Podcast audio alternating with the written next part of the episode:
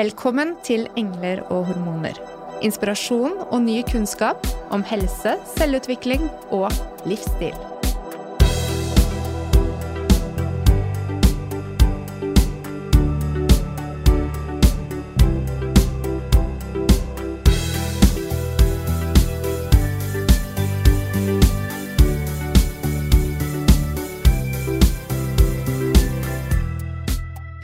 Forrige uke snakket vi om vulvodyni fra en psykologs perspektiv.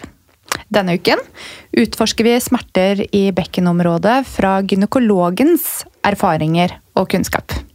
Og så er vi så heldige at vi har med oss Ida Vågsbø Bjørntveit, som er spesialist i fødsel- og kvinnesykdommer. Jobber som overlege på OUS og ved Vulvaklinikken. Og som privat gynekolog ved Vulvaklinikken C Medical. Tusen takk for at jeg får komme og snakke om dette veldig viktige temaet med dere. Ja, det er, gleden er definitivt på vår side. Ja. Eh, Det er eh, Det er egentlig bare å fortsette på tematikken som vi startet med Linn, som også da er en kollega av oss. Og eh, på denne måten også belyse litt det tverrfaglige i å møte denne pasientgruppen, som er veldig viktig. Det tenker jeg også er kjempeviktig. Um, min interesse for dette startet for ganske mange år siden, da jeg var ung LIS-lege, som vi sier, på Sørlandet sykehus. Så hadde jeg gruppe 1-tjeneste på Ullevål. Jeg var så heldig å få møte to veldig inspirerende gynekologer, Dyrkorn og Rimstad, som introduserte meg for dette.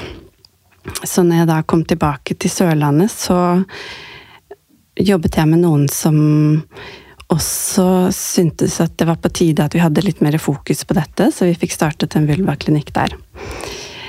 Um, og i den forbindelse så gjorde jeg en del research for å se hva vet vi om dette, og hva gjør vi? Um, og da ble jeg ganske overrasket. For det, dette har man jo snakket om eh, i 2000 år, egentlig.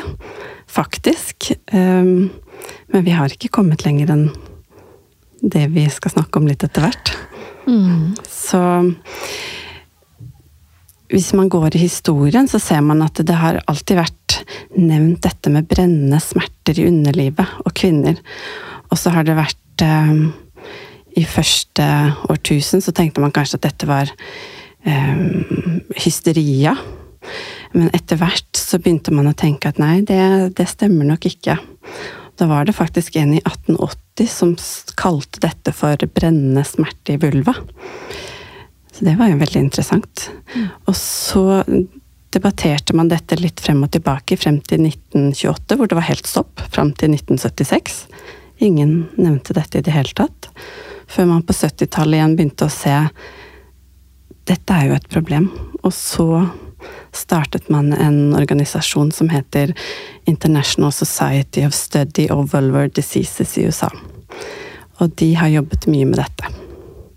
Veldig spennende. Og i 2015 så var det noe som skjedde. Hvis vi kan begynne å definere litt vulvodyni, da, Ida. Da var det flere som så behovet for å at vi skal snakke samme språk. Hva er dette? Em, hvorfor opplever kvinner disse smertene? Og da var det tre store internasjonale organisasjoner som satte seg ned. Um, og da med leder av en som heter professor eh, Jacob Bornstein for at vi nettopp skal ha en terminologi, sånn at vi forstår hverandre. Hva er vulvodyni? Og vulvodyni er kroniske smerter i vulva, altså det ytre kvinnelige kjønnsorgan, det vi kan se. Eh, oftest da av ukjent årsak. Men det var dette de fant ut at vi måtte se litt nærmere på. For smerte i vulva trenger jo ikke bare å være vulvodyni. Det kan jo skyldes eh, inflammatoriske årsaker, sånn som hudsykdommer, infeksjoner, eh, gjentatte soppinfeksjoner, herpesinfeksjoner. Noen ganger så kan det være malignitet. Ehm, ja. Men så er det også en stor gruppe som da man sier vulvodyni. Um, og tidligere så kalte man det av ukjent årsak, men etter hvert nå så har man flere studier hvor man ser at det, nei, det er flere medvirkende, kanskje underliggende årsaker til dette hos mange. Mm. Og det er viktig. Ja, det er veldig viktig. Fordi eh, det handler jo da om å både i undersøkelse og behandlingsforløp adressere alt som er viktig. Mm. Eh, og det er kanskje ikke det samme for hver enkelt pasient.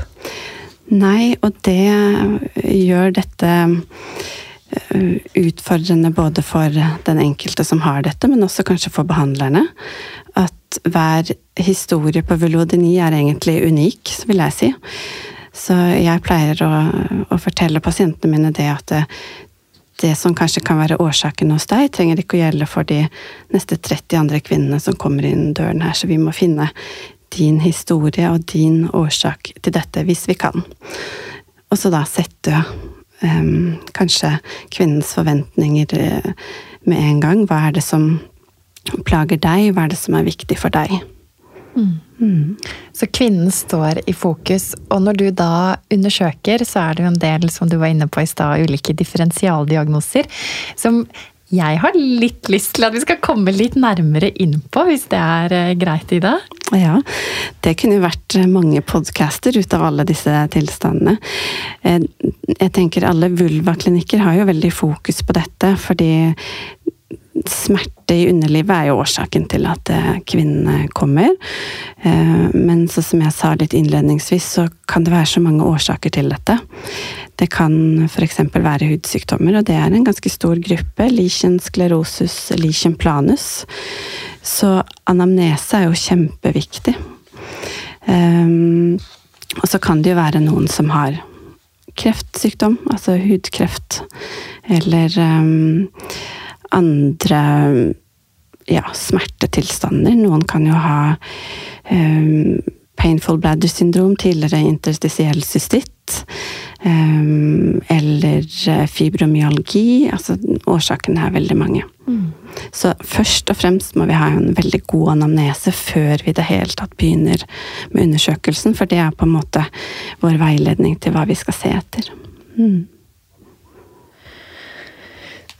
Så um, disse kvinnene, de, um, de, har jo ofte, som vi påpekte sammen med Linn i forrige uke, også gått uh, en lang tid før de møter sånne som deg, Ida.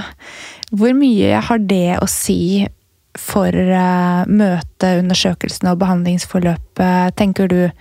Enten ut ifra forskningen eller erfaring. Uh, hvor lang tid de har ventet før de får hjelp? Det tror jeg har veldig mye å si for eh, kvinnens forventning. Dessverre så ser jeg at veldig mange kommer inn og tenker at det, det, er vel ikke så veldig mye mer dere kan tilby meg, for nå har jeg vært til så mange behandlere. Dessverre. For jeg tenker jo at eh, har man smerter, skal man aldri gi opp. Det finnes alltid hjelp. Men det å ha den tiden til å finne ut av hva plager deg i hvilken situasjoner eventuelt? Er det av og til? Er det hele tiden? Det er viktig. Um, og litt det som uh, vi snakket om innledningsvis, dette med å finne disse medvirkende faktorene, er jo også veldig viktig.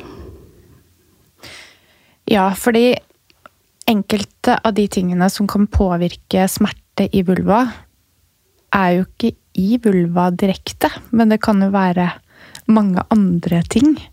Eh, så du nevnte blære, men eh, skal vi komme innom fordøyelsessystemet også? Eh, ja. Ja. Man har jo sett at IBS kan være medvirkende på vulvodyni hos noen pasienter, blant annet. Så jeg tenker at dette er jo noe man vil se mye mer, håper jeg, fremover.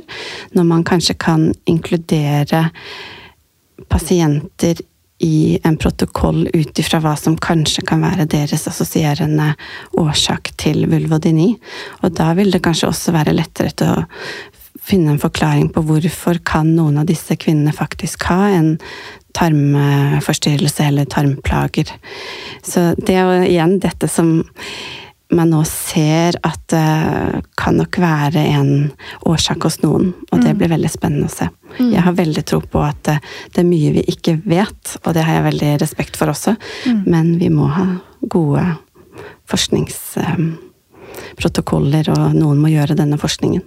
Ja, for det er jo det som da kanskje kan bli bedre når det er lagt ned et arbeid ved å gi bedre diagnoser.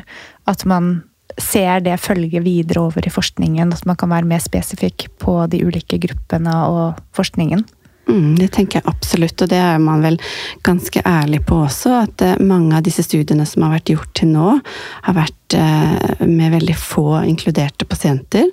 Og at man kanskje har tenkt at alle tilhører samme gruppe, for alle har smerter i vulva. Men at uh, man kanskje må gripe det litt annerledes og si uh, vi må inkludere de og de, men ikke de i denne studien, f.eks. Det tror jeg de kommer til å gjøre veldig mye mer internasjonalt fremover. Ja, Det blir spennende å følge med. Veldig. Um, når jeg og Mona snakket sammen som uh, ja, eh, forbered... I, i, da Mona og jeg snakket sammen så forberedende til denne episoden, så var vi sånn Vi må komme med noen ordentlig matnyttige råd når vi først har en gynekolog sammen med oss i studio. Og for de kvinnene som opplever brennende, sviende eh, smerter i underlivet, så kan jo selv det å ta en dusj eller vaske seg, gå på do, det kan være utfordrende. Um, hva er dine råd som du gir til dine kvinner inne på klinikken når det gjelder disse tingene? Det er helt riktig det du sier med at det for noen kan bare intimhygiene være veldig besværlig. Um, det jeg ofte gir råd om, er at man skal gjøre ting som man syns er komfortabelt.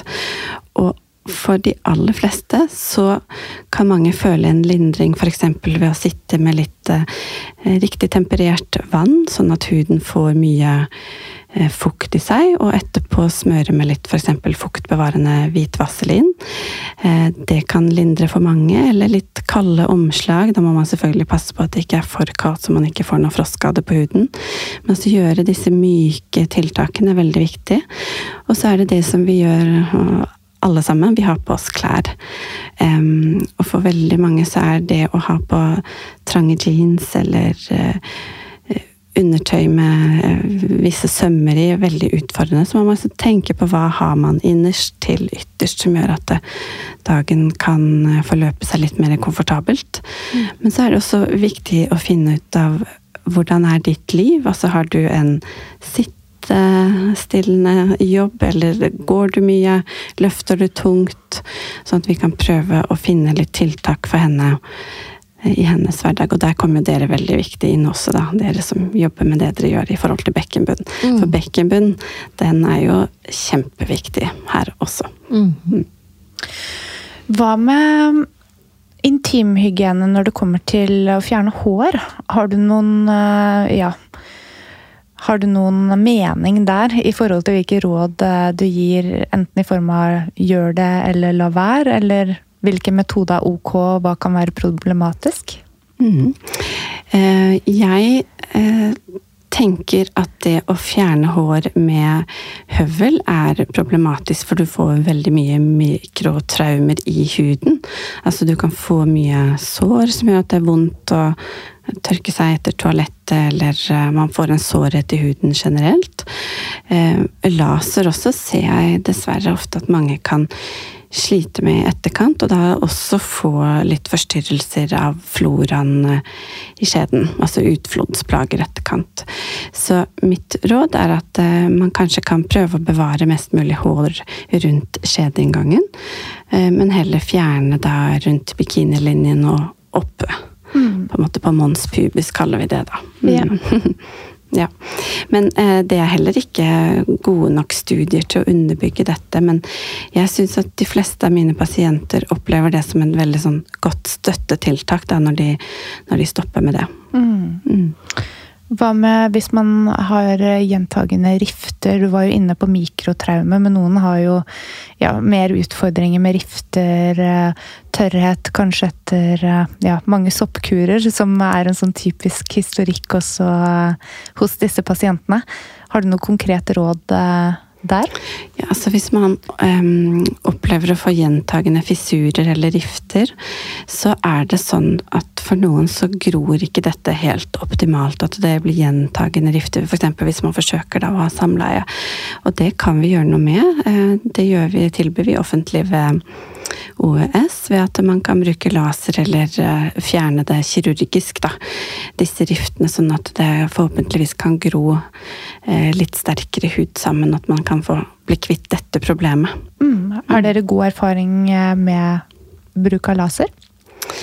Um, jeg vet ikke hvor godt vi har gjort opp disse tallene, egentlig, men um, jeg tenker at altså Noe av bivirkningen er jo at det kanskje kan oppleves litt trangere. Eh, men igjen, hvis man har denne gjentagende eh, sårdannelsen, så er det så besværlig for kvinnen at det eh, Det er nok bedre å få fjernet den. Mm. Mm. Hvor langt skal det gå før man får eh, tilbud om laser? Da er det noen andre tiltak først som man kan bruke?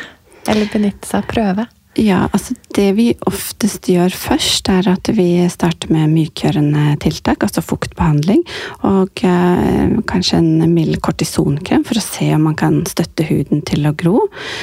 Og hvis ikke dette hjelper, og da blir det veldig ofte at vi sier mellom tre til seks måneder, så skal man komme tilbake og få det vurdert. For jeg tenker at det som ikke har løst seg innen den tid, det er ofte vanskelig med bare eh, konservative tiltak, da. Mm. Mm. Kjempefint å komme inn på det. Um, hva med sånn som glyserol, glyserin, silikonbaserte produkter? Jeg anbefaler um, veldig mild fuktighetskrem som er på base 60 eh, fett, en rød eller hvit vaselin. Mm. Men det, det, er også noe som heter Dr. Warming, det vet jeg ikke helt hva inneholder egentlig, men den er det mange som har god erfaring med. Men det er de tingene jeg holder meg til, for det er jeg trygg på at det ikke gir noe ytterligere plager, da. Ja. Eh, jeg har hørt det at man skal kanskje benytte seg av vannbasert glidemiddel, f.eks. Mm. Det er en eh, type som vi bruker mye i gynekologisk undersøkelse, som heter apobase. Apobase, nei, nå ble jeg litt usikker på hva den het. Abena. Beklager. Abena. Ja, nå ble jeg sånn apobase. apobase den, bruker jeg på babyen min. ikke bruk den. Uh, Abena. Den er eh, luktfri, smitter ikke på sengetøy eller på trusen i etterkant. Og den er veldig myk og gir ikke besvær for, for pasienter. Flott. Mm -hmm. Så der kommer vi jo litt innom noe av behandlingstiltakene, Ida, men det er jo mer du kan bidra med. Du har, eh, du har en større verktøykasse eh, for disse pasientene. Så etter å ha gått gjennom en eh, anamnese, en undersøkelse, hvor er det du kan gå i forhold til behandlingsplan for dine pasienter? Mm -hmm. Der har vi i Norge og internasjonalt sett veldig viktigheten av tverrfaglig tilnærming. Så det hjelper lite å bare komme til en gynekolog og få satt diagnosen. Man må jo eh, tenke hva skal vi gjøre videre. Og da er tverrfaglighet veldig viktig. Um, og de yrkesgruppene som da er viktig i denne tverrfaglige tilnærmingen, er bekkenbunnsfysioterapeuter og osteopater. Veldig viktig, for det er jo veldig mange som har da eh, hyperton eller veldig sånn stram muskulatur. Kramper i muskulaturen i bekkenbunnen sin. Så dette må man jo jobbe med, akkurat som hvis man har vondt i et kne, så kan man ikke gå rett på injeksjonene. Man må jo jobbe med alt av muskulatur rundt. Mm. Veldig viktig smertelindrende tiltak for en stor gruppe. Så det gjør vi. Så er det jo Linn, som dere snakket med nylig. Så det er jo det å, å få disse verktøyene til hvordan skal jeg håndtere kroniske smerter. Og det er utfordrende. Eh, og det kan oppleves veldig vanskelig for mange. Og det å få få disse verktøyene av en psykolog som, som, kan sette litt tanker og følelser på plass, det ser vi at kan være veldig nyttig. Mm. Så sexolog kjempeviktig. Mm. Og det handler jo om den intimiteten og nærheten som man kanskje en del, i hvert fall, må venne seg litt til igjen, og få litt konkrete øvelser i forhold til. Mm. Og der eh, skal jeg bare hoppe inn eh, fra vår faggruppe da, og si at uh, mange pasienter kan være bekymret for å komme til oss fordi de skal behandle noe som er smertefullt. Men det er også veldig viktig å understreke at man skal ha en verktøykasse som gir mulighet for at pasienten skal få behandling uten at det gir mye smerte. Mm. Fordi eh, i vår behandling så er det så viktig at vi ikke fyrer opp under eh, den nevrologiske responsen, men at vi finner andre måter å kjenne bekkenet vårt på. Eh, for å bedre sirkulasjon, for å bedre funksjon. Og det fins mange veier inn i bekkenet. Det er jo et fantastisk lite økosystem som påvirkes av så mye. Mm. Så selv om man da har smerter og skal da videre til en behandler, så er det så viktig å være bevisst på at eh, eh, det skal være minst mulig smertefylt, eh, smertefylt og helst smertefritt. Mm. Og to, det fins alltid et alternativ. også når det gjelder fysikalsk behandling. Og du kan sette grenser. Ja, det er kjempeviktig. Mm. Og vi skal jo også lage en, en, oppfølgende episode på akkurat disse tingene her etter hvert, Mona. Ja, ja. Vi snakker mm. om sirkulasjon og muskler og alt det gøy. Kjempebra. Mm. Ja. Ernæringsfysiologen også, tenkte ja, jeg jo på. Ikke minst. Mm. mm. Og det er litt sånn som vi nevnte i sted, eh, det er veldig mye som vi ikke helt har fått oversikt over ennå. Og jeg tenker at eh, mat, det får vi alle Det må vi alle ha. Og for noen av oss så kan vi reagere på enkelte matvarer, eller vi trenger en viss sammensetning av matvarer. Og det, der tenker jeg at en ernæringsfysiolog er eh, en viktig støtte for noen. Mm. Ja, Også en kropp som har det optimalt med ernæring og søvn. Eh, fysisk aktivitet og hvile vil være også mer i stand til å ta imot behandling og skape endring. Absolutt. Det er mm. kjempeviktig. Mm. Helhetlig tilnærming. Mm. Men så har jo du også medisiner å spille på, da, Ida. for det er jo noen medikamenter som vi ser går igjen eh, i historien til disse pasientene. Mm. Kan, kan, du snakke litt om hva, hva, du kan bruke for å støtte behandlingen ja. der? Det vi ofte starter med, er en desensibiliseringsbehandling med xylokain-gel det ikke for å tenke at dette er kurerende, for det er det jo Har vi sett i studier at det egentlig ikke hjelper for det i det hele tatt. Men, men, jeg tenker at det er noe med det å venne seg til berøringen. At det er mer en, en prosess i forhold til det som er veldig viktig, før man skal i gang med videre behandling. Og så er det jo en del medikamenter som vi kan gi. Eh, F.eks. Sarotex, men det har vi sett at har best effekt på kvinner som har generalisert vulvodyni, altså de som har det litt generelt i vulva. Så hvis du har denne provoserte, lokaliserte komponenten, altså det er helt tydelig på ett sted i vulva, og det er kun hvis jeg berører eller forsøker å ha samleie, så vil nok ikke disse medikamentene ha den ønskede effekten. Igjen tilbake til det med å tenke på hvordan kvinne er det jeg har foran meg her nå? Hva tenker jeg at vil kunne hjelpe henne? Og så er det mm, jo mange som har vaginisme. Eh, altså ufrivillige muskelspasmer, smertefulle kontraksjoner i bekkenbunn. Der er det blitt et tilbud både offentlig og privat med Botox-behandling, som en del kvinner kan oppleve god smertelindring av. Og så er det også eh, litt andre typer medikamenter som man kan gi, f.eks. nevrontin, men det er stadig mindre forskrevet, for det har såpass mye bivirkninger, en del av disse preparatene, at man skal, man skal jo alltid lindre og hjelpe. Da må man tenke at ikke man gir mer besvær med bivirkninger som visse preparater kan medføre. Da. Mm. Og Botoxen den settes da ved hjelp av sprøyte eh, i spesifikk muskulatur i underlivet. Ja. Da, um, sånn som jeg gjør det, er at jeg um, finner disse triggerpunktene, altså hvor er det kvinnen har mest smerter. Og så setter vi da Botox uh, fordelt på kanskje en sånn fem innstikksteder. Mm. Et spørsmål, et praktisk spørsmål. Er det noe bedøvende gel, eller er det noe bedøvelse før man setter Botox-injeksjonene? Ja, vi kan gi en bedøvende krem som heter Embla. Eh, jeg anbefaler ofte at man kanskje tar Paracet før man kommer på timen. Hvor sånn, stor dose, da? Ett gram, pleier jeg å si. ja. Men det er klart, dette kan jo oppleves veldig vondt, for vi setter det jo der det er vondt. Så det å sette av god tid og forklare nå kommer det et stikk, dette kan gjøre vondt. Kanskje ha støttepersonell inne som kan holde i en hånd. Det, det hjelper. Mm. Og at de vet at dette er jo en, da en forbigående eh, smerte som forhåpentligvis skal bli bedre av eh, medikamentet. Men det har jo ikke umiddelbar effekt, sånn at de, de fleste opplever, hvis de får en bedring, en bedring innen 10-12 dager. Mm. Og så er det jo noen som er veldig bekymret for å gå og få denne behandlingen. Eh, kommer det noen gang pasienter til deg som tar beroligende før de kommer inn og får Botox?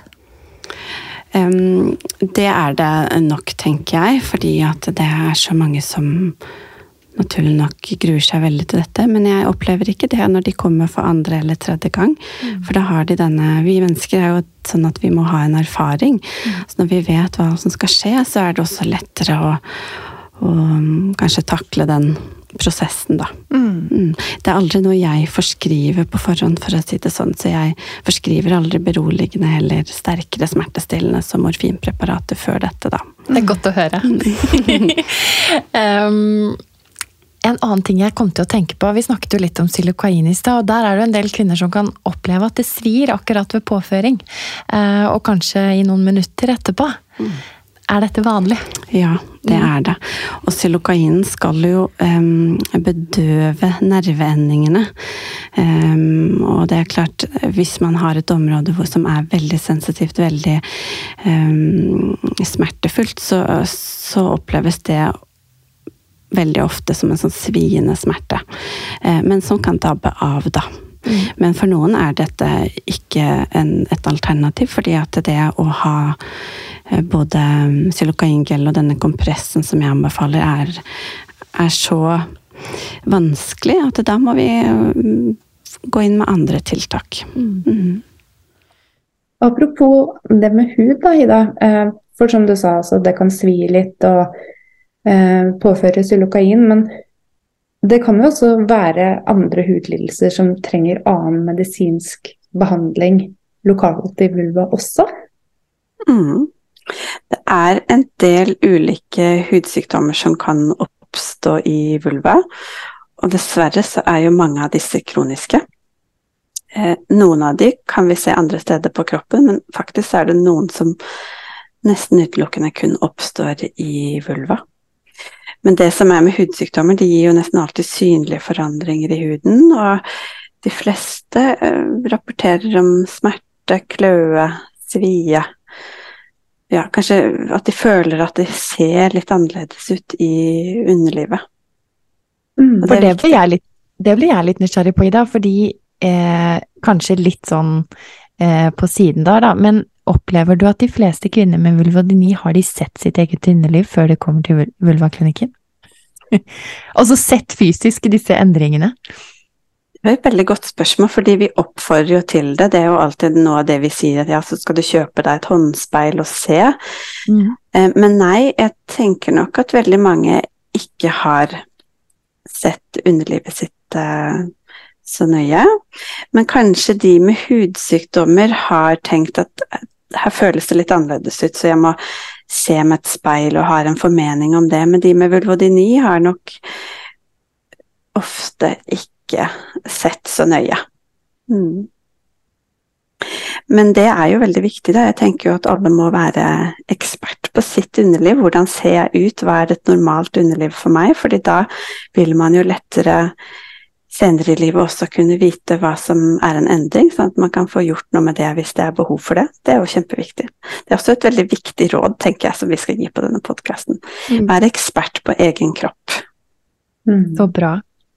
Men da går veien videre inn til en eh, ny, eh, ja, eh, spesialisert legegruppe? Ja, på Vulva-klinikken så er vi jo veldig opptatt av dette med tverrfaglighet. Så det skal være en hudlege og en gynekolog som i hvert fall vi i det offentlige pleier å ha, se en del pasienter sammen. Og også i det private som vi, vi jobber i, vi tre. Eh, for det tenker vi er veldig nyttig å gripe det fra litt forskjellige perspektiver. Altså En hudlege er jo ekspert på hud, og gynekolog er jo ekspert på underlivet. Og sammen da så finner vi ofte fortere den riktige diagnosen for pasienten. Og selvsagt så må vi ofte ta en vevsprøve da for å være helt sikker. For det, det er jo sånn som vi har nevnt tidligere, kan jo hudsykdommer kan være lichen sklerosus, lichen planus. Noen kan ha kontakteksem, atopisk eksem eller psoriasis. Så det er mye forskjellige hudsykdommer som kan oppstå også i vulva, og da er det så verdifullt med en hudlege som, som har, sitter på denne kompetansen, og at vi sammen kan finne ut hva som er diagnosen for pasienten. Mm. Veldig viktig poeng. og en annen ting som vi ikke har kommet innom ennå i dag, det er jo um, så Historisk sett, hvis vi går tilbake, så var altså dette med smerter i underlivet en psykiatrisk diagnose. Mm. Eh, og så har det kanskje hengt ved litt mye, og man har mm. fjernet seg fra å tenke mm. så mye psykiatri eller psykologi mm. i det, men krenkelser, traumer eh, det kan jo være en viktig, viktig, del å ta tak i det også. Veldig. Dessverre så er det jo mange som opplever seksuelle krenkelser. Um, og da er det en stor gruppe, tror vi. Det er også viktig med studier som kan underbygge dette. Men jeg har ofte pasienter som dessverre har vært utsatt for eh, krenkelser, seksuelle krenkelser. Og at man da får smerter i etterkant i vulva og underlivet, det er jo ikke så veldig rart hvis man eh, tenker over hva disse menneskene har gått gjennom. Så de er veldig viktig eh, å spørre. For mange forteller om disse krenkelsene kanskje første gangen når de er hos enten gynekolog eller hudlege ved en vulvaklinikk. Så det, det, er et viktig spørsmål som vi alltid må ha i bak, uh, bakhodet, og spørre direkte om har du vært utsatt for krenkelse. Fordi mennesker som har vært utsatt for krenkelse, de skal jo få en litt annen tilnærming igjen. Og det mange har traumer som de må bearbeide, og da er det jo veldig viktig å f.eks. kunne få hjelp hos en psykolog for å få bearbeidet disse traumene som man da har gjennomgått, for å kunne bli kvitt smertene i vulva på et senere tidspunkt. Mm. Mm. Og når jeg dro inn traumer der også, så fra min praksis har jeg også hatt noen kvinner som har utviklet vulvodyni, vaginisme, i etterkant har gått gjennom store traumer mm. i bekkenområdet. Eh, mm. fall eller ulykker og andre ting mm. som At det kan gå litt tid, da. Mm. Eh, så, så, det er også ja, viktig med sykehistorien. Mm. Det bare sier noe om hvor komplekst dette er, og hvor viktig det er at vi griper disse tilstandene med den tverrfaglige tilnærmingen. At vi tenker at vi må alle sammen hjelpe pasienten for at hun skal bli bedre med det vi kan best. Mm. Ja. Kan vi oppsummere da alle disse Ja, hvem som skal være på et slikt tverrfaglig team? Mm. Det er uh, hudlege og gynekolog. Sykepleier, veldig viktig.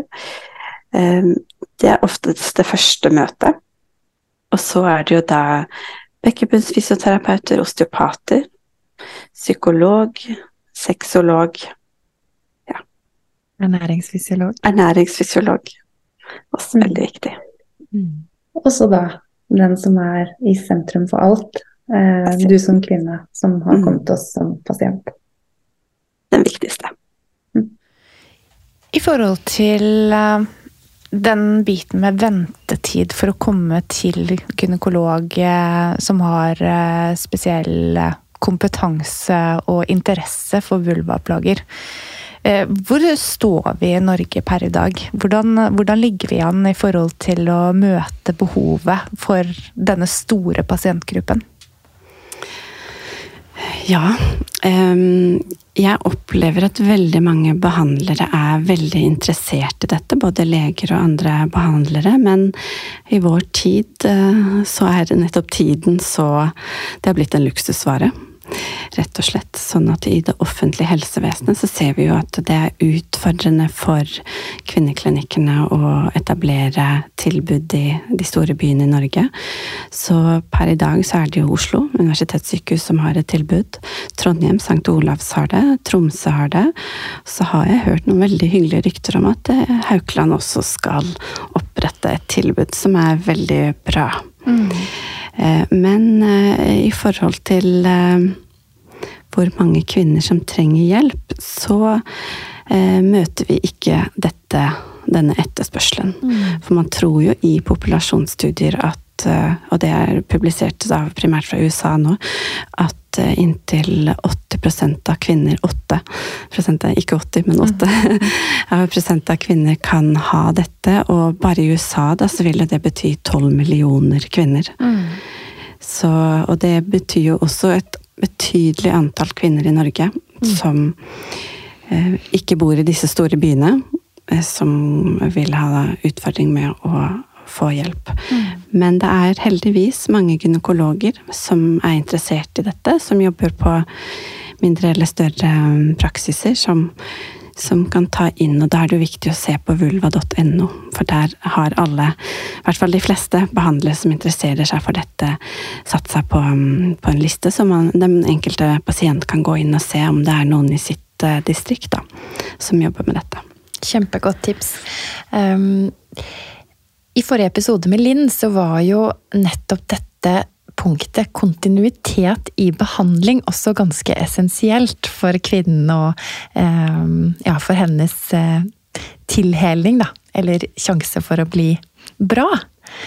Og ut ifra det du har pratet om nå, med at man ikke klarer helt å møte opp mot det behovet som er i populasjonen for øvrig, og møte alle disse kvinnene, så ser jeg for meg at kontinuitet kanskje kan være vanskelig. Ja, sånn som eh, det offentlige tilbudet er nå. Nå kan jeg ikke svare for alle de andre storbyene, men så er det å ha kontroller ganske utfordrende når eh, antall henvisninger for de som også trenger en vurdering, er så, er så stor. Så kontinuitet er nok en av de vanskeligste um, tingene vi kan tilby, ja. Mm. Dessverre, vil jeg si. Veldig dumt. Det er kjempesynd. Og så får jeg inntrykk eh, når jeg er eh, med i Vulvaforum, at det er ikke interessen og viljen det står på. Altså Her er det mange som er mm. villige til å jobbe mer med denne pasientgruppen, men det, er, det skorter på økonomisk prioritering eh, for å bygge ut et større tilbud. Ja. Det er eh, akkurat det som er problemet, og det tenker jeg er jo en viktig mm, eh, problemstilling politikerne våre må ta tak i. Hvorfor skal det være så vanskelig å få hjelp for en tilstand som er så hyppig forekommende? Jeg syns det er vanskelig å forstå. Mm. Og hvis man ser på det store bildet, og kanskje også hadde tatt seg litt tid til å se på tallene bak en del sykemeldinger, så tror jeg at man som samfunn hadde tjent stort på å kunne tilby kvinner den hjelpen de burde få, og jeg syns de har krav på. Mm.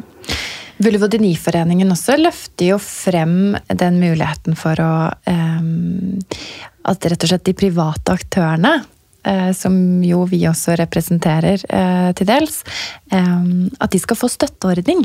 Slik at mm. blir, behandlingen blir mer tilgjengelig for alle. Veldig viktig og spennende innfallsvinkel.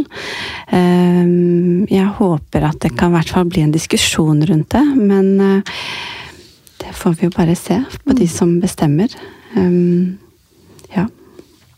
Så vi ønsker oss jo også mer forskning, eh, men eh, vi gleder oss også til å bygge mer erfaring rundt det å faktisk få lov til å jobbe tverrfaglig.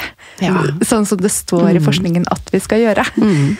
For det er jo veldig viktig å understreke at uh, f.eks. fysioterapi, da, eh, som en av de områdene som jeg representerer, eh, er eh, inkludert altså, i behandlingsprotokoller, det som viser har god effekt for pasientene.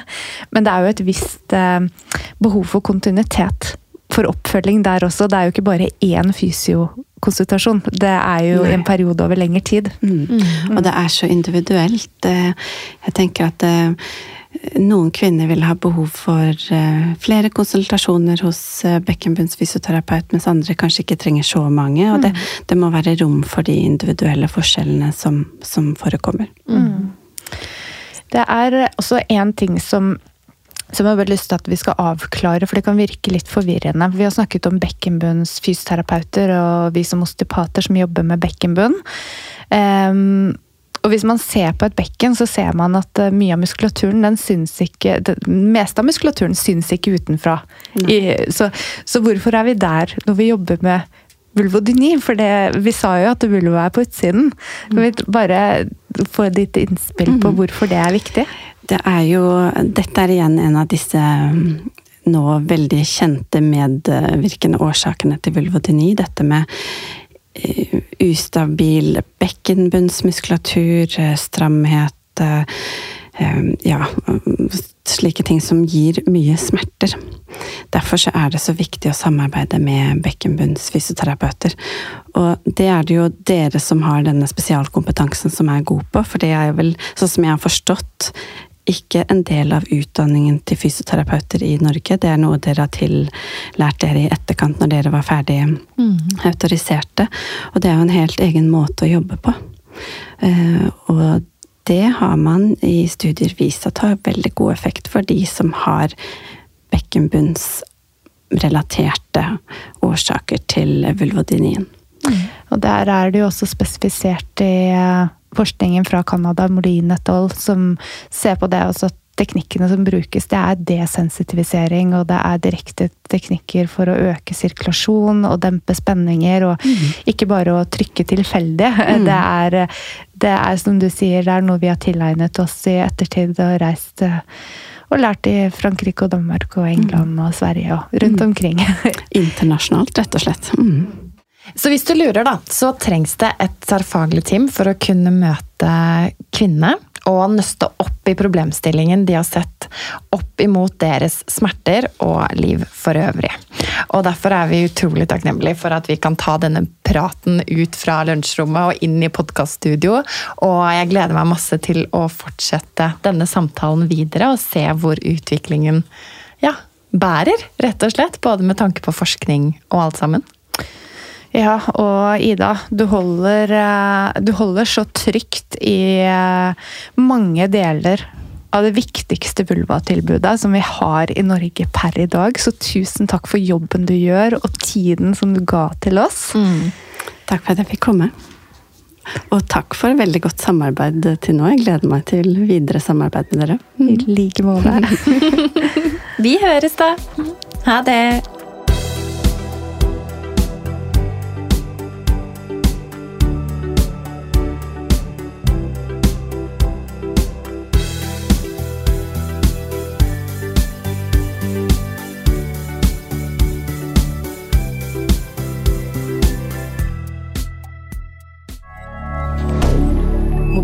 milliardaire